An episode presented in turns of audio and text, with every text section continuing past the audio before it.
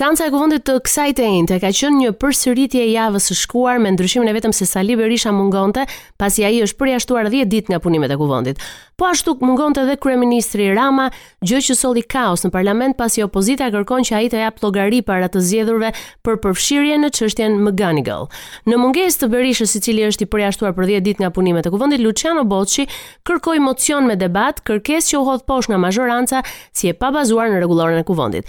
Kurse grupimi tjetër që kishte kërkuar interpelancë dhe që ishte përfshirë në rendin e ditës, kundërshtoi që pyetjet e tyre të merrnin përgjigje nga ministrja Elisa Spiropali, të cilës kryeministri i kishte deleguar këtë përgjegjësi.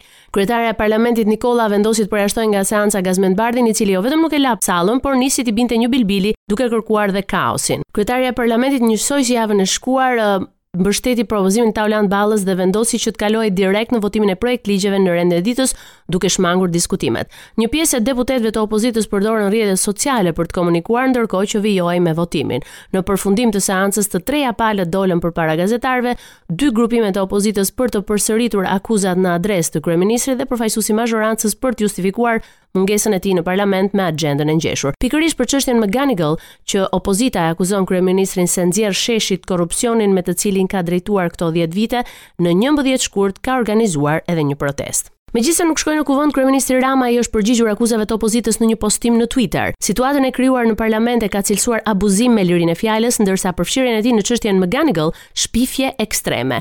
Një abuzim total me lirinë e fjalës, me të vërtetën, me publikun, në një dëshpërim total moral, politik, elektoral, ku me shpifje ekstreme synohet manipulimi i opinionit me një çështje të hetuar nga drejtësia amerikane që ka shkuar në gjykatë dhe që s'ka asnjë lloj lidhje me ne këtu, shkruan Rama. Ai kujtoi se në Shtetet e Bashkuara të Amerikës nuk ka asnjë akuzë apo pretendim për përfshirjen e tij në gjyqin që po i bëhet ish zyrtarit të lartë të FBI.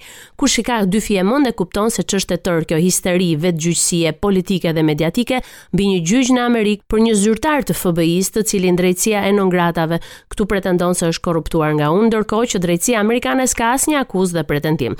Kjo është një tallje e madhe dhe e shpifur e politikës, pa din dhe pa iman për ata që i shkojnë mbrapa kësaj politike figurash të diskredituara, të cilët duan të mbulojnë diellin me shosh, deklaroi Rama. Postimin e tij kryeministri Rama e mbylli duke theksuar faktin se marrëdhëniet Shqipëri-SHBA dhe institucionet amerikane janë më të forta se kurrë.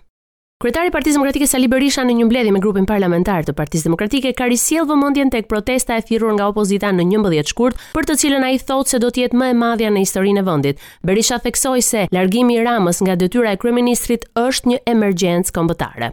Të dashur qytetare dhe qytetarë, ne kemi thirrë me datën njëmbëdhjetë protestën më të madhe në historinë e vendit. Ju nuk mund të dështoni kurrë në rrëzimin, largimin, E Edi Ramës nga pushteti. Ai nuk jep dorëheqje.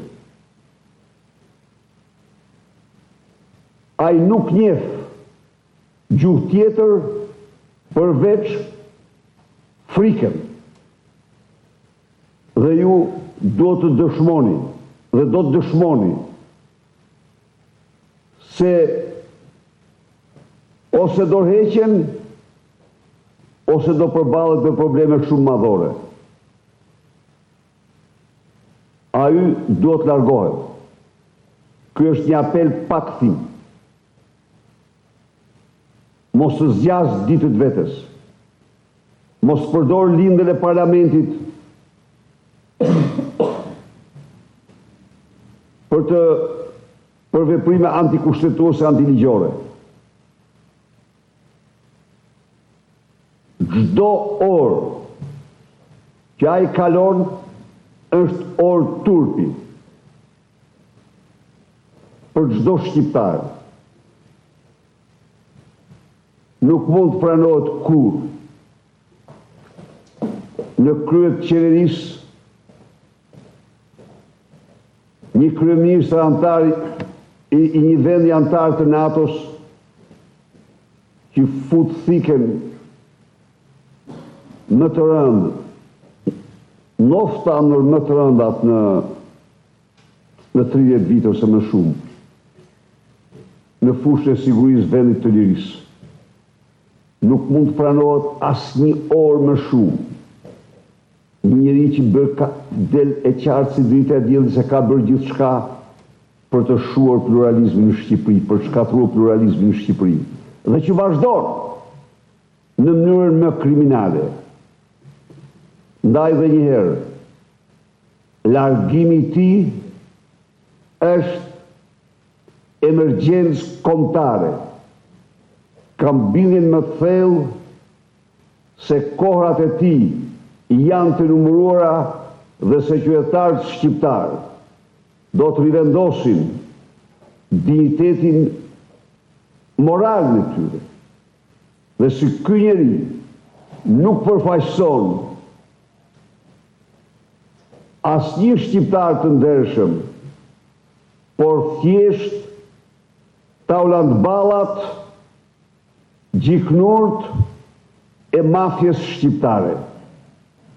Pesë gjykatat e apelit në rrethe nga sot nuk ekzistojnë më dhe ka vetëm një gjykatë apeli në Tiranë e cila do të mbulojë të gjithë territorin e Shqipërisë. Kryetarja e KLGJ-së Naureda Llagami bëri të ditur se Apeli i Tiranës do të ofrojë shërbim më cilësor për qytetarët, teksa theksoi se ato çështje që kanë nisur shqyrtimin në ish-gjykatat e apelit të rretheve do vazhdojnë të gjykohen aty. Janë një mijë e tetëqind e gjashtëdhjetë e tetë dosje të tilla, ndërsa njëzet e shtatë mijë çështje të tjera janë bashkuar dhe do të hidhen përsëri në short në Tiranë.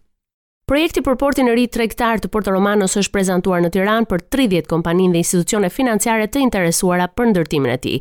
I pranishëm ka qenë dhe kryeministri Rama, i cili vlerësoi interesin dhe besimin e kompanive të huaja për këtë projekt me konsulencë të kompanisë holandeze Royal Haskoning DHV.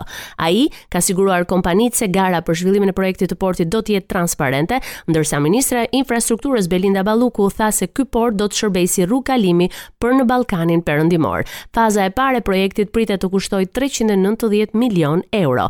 Investimi nga shteti do të jetë 46%, ndërsa 54% do të investohen në formë partneriteti publik-privat nga kompania ndërtuese. Ideja e qeverisë shqiptare është që në këtë port të ketë edhe një bazë të NATO-s dhe për këtë kanë nisur bisedimet me aleancën. Synimi është që kontrata e ndërtimit me kompaninë fituese të nënshkruhet deri në dhjetor të këtij viti. Raporton nga Tirana për Radio SBS, Gerta Heta.